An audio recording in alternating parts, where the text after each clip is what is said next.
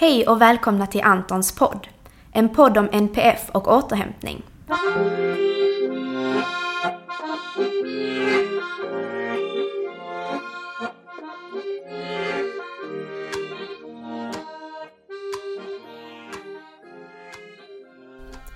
Jag heter Marie och kommer att i dessa poddavsnitt utforska olika aspekter av hur det är att leva med eller tillsammans med någon med NPF, neuropsykiatrisk funktionsnedsättning.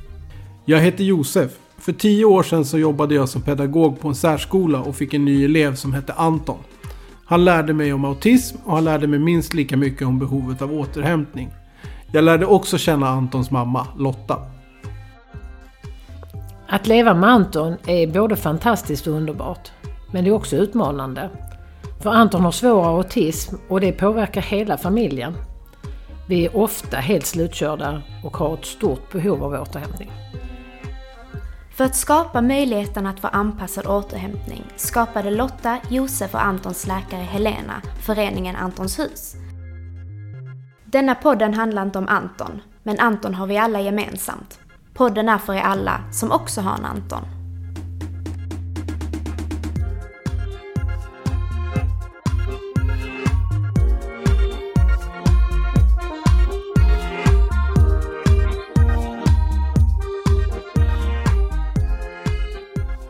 Hej och välkomna till avsnitt 18 och idag har jag med mig Lotta. Hej hej! Och jag har med mig Elin. Hej. Och Peik. Hej. Och Josef. Hallå hallå! Idag ska vi återigen prata lite kring ett kapitel från boken United in Autism Finding Strength Inside the Spectrum av Julie Hornock. Har du inte läst den så rekommenderar vi starkt att du gör det. Det är en bok som innehåller flera olika historier från familjer med autism runt om i världen. Kapitlet som vi har läst idag handlar om dottern Kayla som har autism och hennes mamma Tanja från Australien. Kapitlet är skrivet ur bådas perspektiv på hur utmanande det kan vara att leva både med autism och att vara anhörig. Kayla beskriver hur hon blev mobbad i skolan och hur folk var rädda för henne för att hon har autism. Tanja berättar att man som familj med autism ofta känner sig väldigt isolerad och ensam eftersom att folk pekar ut en som annorlunda och därför undviker en. Så vad var era tankar när ni läste detta kapitlet? Ja, alltså jag, jag tänker att det, det, mänskligheten har väl alltid på något vis varit eh, rädd för det annorlunda och det, det lite det som sticker ut. Och det är väl någonting som har, har kännetecknat olika aspekter av, av det mänskliga livet under, under all tid egentligen. Eh, och under vissa perioder så kunde man vara annorlunda eh, och, och, istället så var man då kanske i Sverige i alla fall, var man by, byfånen som stod nere vid, vid eh, korsningen och vinkade till alla som, som gick förbi eller cyklade förbi. Och, och så var man en del i ett, i ett sammanhang utifrån, utifrån det perspektivet. Liksom alla, alla visste att där står där står Pelle och vinkar, det gör han varje dag. Eh, men, men jag, tror att, jag tror att klimatet har hårdnat ganska mycket eh, och, och, och toleransen för det annorlunda eh, idag är mycket, mycket hårdare och, och strängare faktiskt. Och det, det är klart att det gör ju att de här, de här personerna med, med, med den här typen av svårigheter och särskilda behov, de, de får en svårare livsföring på, på många sätt och vis. Och det, jag tror att det finns ganska många liknande tragedier runt omkring oss som den som eh, Kajla och hennes mamma beskriver. Ja, men det här att, att det inte riktigt passa in, utan bara stå precis liksom... Man kan vara tillsammans med många människor, man kan vara i ett klassrum, man kan vara med människorna, man kan stå där vid gathörnet och vinka till alla och vara med, men man är ändå så fruktansvärt ensam, för man är inte med. Man blir liksom inte sedd, man blir inte tilltalad, man blir inte bemött på samma sätt som andra blir. Man kan känna sig otroligt ensam tillsammans med många andra människor. Och det är det jag känner att många upplever, både i skolan, men så kan det vara när man är vuxen på en arbetsplats och så också. Så frågan är hur man kommer runt och vad man kan göra åt det. För det ligger nog något i vår, i vår mänskliga natur att det är så enkelt att bara frysa ut istället för att ta sig mödan att faktiskt lära känna varandra och se att alla har någonting att, att bidra med. Jag tänker att eh, eh, kunskap kan faktiskt vara en faktor av betydelse här. Om folk känner till någonting om autism till exempel och vet om att det finns människor som har autism och eh, ännu bättre om man eh, får erfarenhet av att träffa människor med autism och att, att man småningom eh, förstår att man kan fungera på just det sättet som en person med autism gör och att det inte är, blir lika skrämmande och konstigt för, för de andra. Och då utlöser det inte lika eh, lätt avståndstagande och eh, negativa reaktioner från de andra.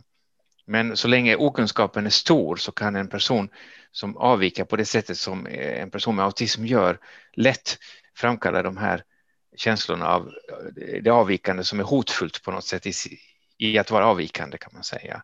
Och då utlöser det sådana här lite aggressiva utstötningsreaktioner.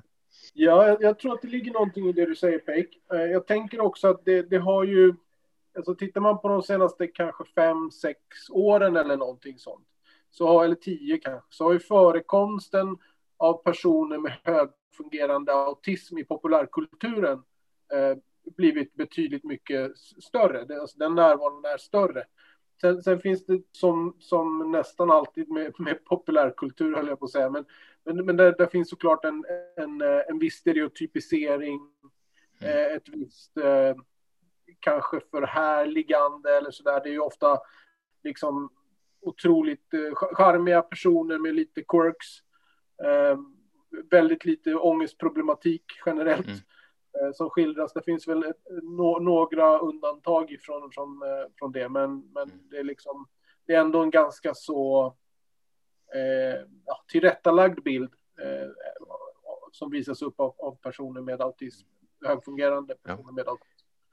Ja, jag håller förstås med dig Josef att det finns en fara i att man får för stereotypa bilder här och att man glömmer bort att personer med autism också är individer och väldigt olika varandra faktiskt. Eh, så att det blir, kan bli fel på det viset.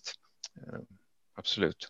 Det kan ju också innebära, det kan ju bli lite svårt när man börjar vad ska man säga, lära känna sig själv och se hur, hur påverkar min diagnos mig när man då kanske ser en viss stereotyp eh, i en tv-serie till exempel och man kanske inte riktigt känner igen sig och bilden blir lite för platt. Mm -hmm. Ja, det, det är en risk i en tv-serie eller någonting att det till och med blir som en form av karikatyr. Mm. Att man överdriver vissa sidor och underdriver andra sidor så att det blir lite för att, att det visserligen har någon grund i autism till exempel, men att det blir en för förenklad och eh, karikatyraktig bild som stämmer väldigt dåligt på många som har autism förstås. Det finns ett, ett undantag som jag gärna tipsar om faktiskt, som jag tycker att alla som, som, eh, alla som är engagerade i autismfrågor eller intresserade borde titta på. Och det är en dokumentärfilm som sen följdes av en dokumentärserie som heter Aspergers on Tour. Eh, är det någon som har sett den? Nej, Nej vi har hört talas om den. Mm. Ja, jag, Var finns den någonstans? Eh, jag tror att den finns på Netflix, kan vara HBO. Eh, men den finns på någon av de där stora streamingtjänsterna. Eh, och den, den skildrar egentligen eh, en grupp, en humorgrupp som, som träffade varandra på ett läger för personer med Asperger. Och som sen började skriva skämt tillsammans. Eh, och, och sen skulle sätta upp, i, i den första dokumentärserien så ska de sätta upp en, en, en föreställning. Och sen i den fortsatta serien, den heter Aspergers on Tour. Eh, där åker de på turné i Amerika. Eh, och det som jag tycker är så fint med den här serien det är att den dels visar den, den fullständigt slår undan benen för många av de här stereotyperna om, att personer med autism skulle brista i sin empatiska förmåga till exempel de är väldigt, väldigt förstående, framför allt gentemot varandra och varandras svårigheter i det här ganska ansträngda och konstiga sammanhanget de, de befinner sig i. Eh, så den, den, den tycker jag verkligen var var, är sevärd. Det, det, det, är en rekommendation till alla. Eh, ja, där är, du nämnde faktiskt empati där och det, det, det är ju någonting som är väldigt besvärligt med begreppet empati här för att folk ofta tänker att personer med autism, ja de har ju inte någon empati tänker väldigt många alltså. Och då handlar det lite grann om vad man menar med det begreppet. Eh, och eh, om man menar liksom att man är kallsinnig och struntar i andra människor hur de har det och så där så är det ju oftast helt fel. Eh, därför att personer med autism behöver inte alls vara på det viset. Eh, det man blandar ihop det med att personer med autism har svårt att förstå vad andra människor håller på med. Att, eh, förstå vad de har för preferenser och vad de tänker och tycker. Och, då blir det svårt i kommunikationen och det är det man ser. Men det betyder inte att de struntar i andra människor för det. utan Det ser man ju ofta att bara en person med autism får insikt i hur en annan person som har det svårt har det så kommer det ofta fram en medkänsla också. Eh, lika mycket som hos vem som helst så att säga. Eh, man blandade ihop det med det här som man tänker på som psykopaten eh, som saknar empati, men psykopaten är tvärtom.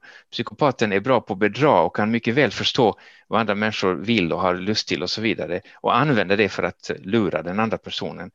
I autismen är det precis tvärtom. Man har inte den viljan att lura någon överhuvudtaget, men man har lite svårt att förstå vad den andra personen egentligen håller på med. Eh, och, och, och då, så att det, folk blandar ihop de här, eh, det här som man kallar för affektiv eh, empati med kognitiv empati, alltså det här att förstå andra. Och jag förstår inte att det inte alls är samma sak. Det är, ju, det är ju väldigt viktigt det här med empati. Men det här med att man har en karaktär i tv-serier så är det ju med alla karaktärer. Kvinnorna är ju jättekvinnliga och männen är ju liksom jätte...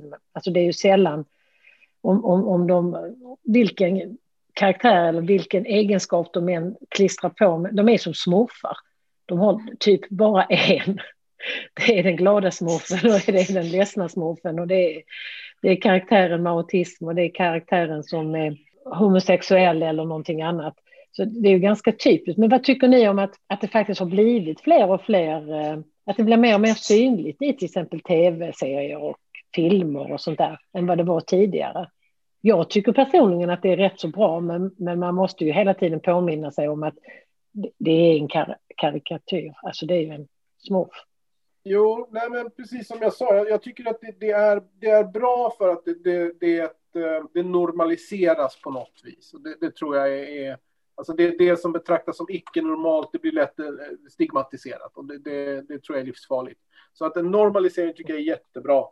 Eh, men å, återigen, alltså, den, här, den, här, eh, den här otroligt uppskruvade stereotypiseringen och, och liksom när, när det blir karikatyrer på något vis. Det, det, det, det, tror jag väl inte är bra i något sammanhang egentligen, men, men jag tror att det, är, det gör nog mer skada än nytta här för att många människor bildar vad de tycker är kunskap eh, så att säga utifrån det de snappar upp på eh, olika tv-serier mm. helt enkelt. Och då, då tror jag man hamnar snett i, i sin förståelse.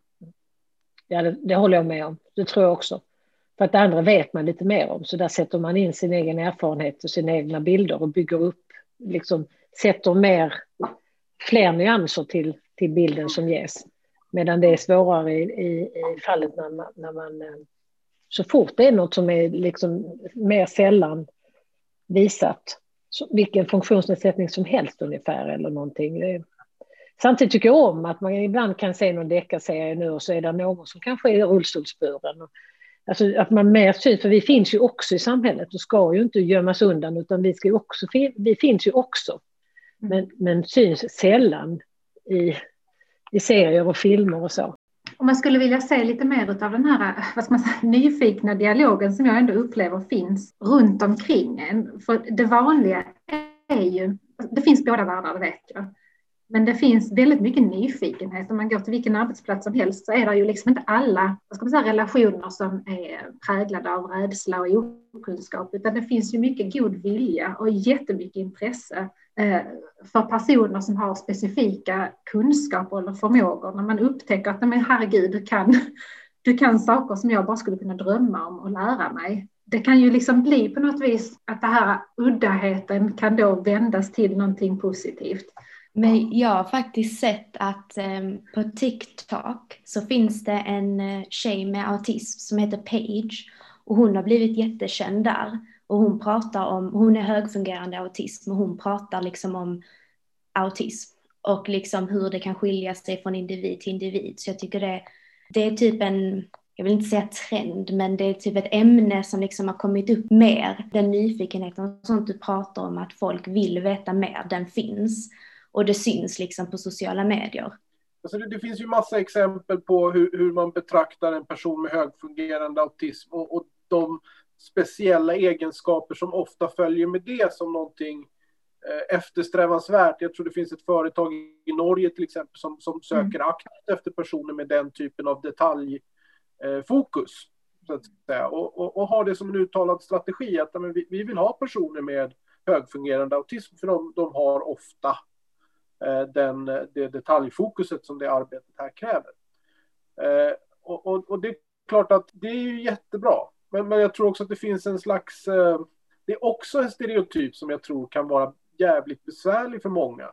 Mm. Eh, att man har en slags, det finns en slags förväntning om att bara, bara för att man har en, en, en autismdiagnos och högfungerande så ska man vara någon slags savant.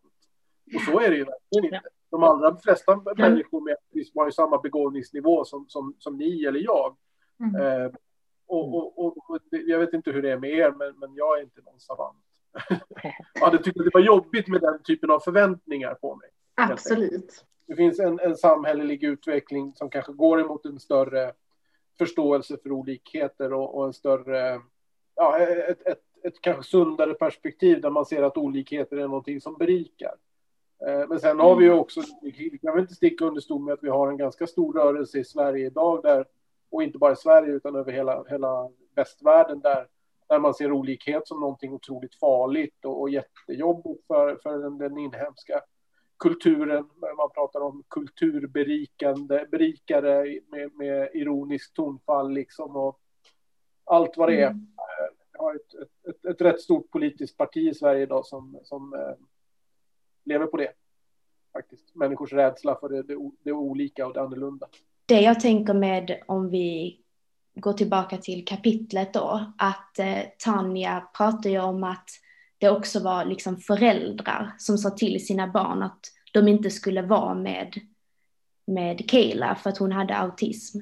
Så att jag tänker att den äldre generationen som kanske inte liksom finns så mycket på sociala medier och ser denna utvecklingen i att folk, folk vill lära sig mer. De är väldigt typ så begränsade till den representationen som, som de har sett när de var yngre på tv och i tv-serier och sånt. Och jag tror att det, de ger en negativ påverkan till sina barn när de säger så att och du ska inte vara med Kayla för att hon är annorlunda. Gäller inte det alla typer av fördomar? Höll jag på att säga. Alltså det, är, inte det, är inte det lika sant om, om den, den äldre generationen som har eh, närmare till eh, eh, rasism kanske då, om jag ska mm. vara lite Ja, det är sant. Ja, Men man har ett lite gammaldags synsätt och, och, inte riktigt tänkt med i, i utvecklingen och, och, och samhällsdialogen. Så. Och så får man över det till barn mm. om man har otur. En, en sån här eh, fast övertygelse hos mig, det är att barn de föds aldrig som rasister. De föds aldrig som funkofober. De föds aldrig som fördomsfulla. Utan det är någonting som de tyvärr lär sig eh, och socialiseras in. När det gäller eh, kapitlet och de föräldrar som sa till sina barn att inte leka med Kayla. Jag hoppas ju innerligt att de inte sa det för att hon har autism utan för att de sa det för att hon var annorlunda och det är skrämmande nog. För det finns sådana här eh, skrämmande strömningar överallt nu. Och jag tycker det är så viktigt att vi som inte tycker så, utan tycker att annorlunda är någonting som berikar, att vi inte tiger och tycker oh vad fel de har, utan att man faktiskt säger emot och säger nej, så tycker inte jag.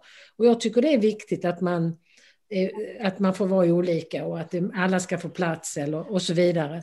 Att vi inte bara skakar på huvudet och tänker fel. Om det är ett inlägg på Facebook eller på Instagram eller att man hör något i en diskussion. Det är viktigare nu än någonsin, tycker jag, att inte, inte låta protesterna vara osagda. Utan om vi tiger så normaliserar vi det. Men om vi säger att nej, så tycker inte jag, det räcker. Så på något sätt så, så visar vi att alla tycker inte så. Så att inte alla tror att ett ganska stort parti är större än vad det kanske är. Utan att man faktiskt berättar att nej, det, jag tycker att man ska få vara olika och man ska få synas och ha plats och få utveckla sin potential i samhället. Fastän man är en minoritet och fastän man kanske behöver annan hjälp än vad andra har. Och att man faktiskt bidrar, samhället blir bättre, vi mår bättre allihopa av det. det, det jag tänker att det, det, det, ligger mycket i det du säger där, att hålla det samtalet levande för att i så stor utsträckning som möjligt skjuta in så mycket sunda värderingar som möjligt så tidigt som möjligt. Det, det tror jag är jätteviktigt. För det är verkligen en väldigt stor typ påverkan för de personerna som anses som annorlunda. För det beskrev också Kyla i, i kapitlet, liksom hur stor skillnad det blev när hon bytte skola och kom till en ny skola där de accepterade henne som hon var. Hon kunde liksom vara sig själv. Och med det så tackar vi för oss och tack för att ni har lyssnat. Glöm inte att följa oss på sociala medier för att lära dig mer om artism och om vårt projekt Antons hus. Gå in på vår hemsida, www.antonshus.se, för där hittar ni all information om Antons hus och var ni kan följa oss. Där uppdaterar vi även när nästa avsnitt av Antons podd släpps. Tror du på idén om Antons hus som vi gör? Då kan du hjälpa till genom att sprida information om Antons hus till din familj och dina vänner. Det viktigaste är att vi når ut till så många som möjligt. Eller så kan du swisha en slant till 1234 72 71 03. Vi tar emot bidrag, både stora som små. Vi ses i vårt nästa avsnitt. Hej då!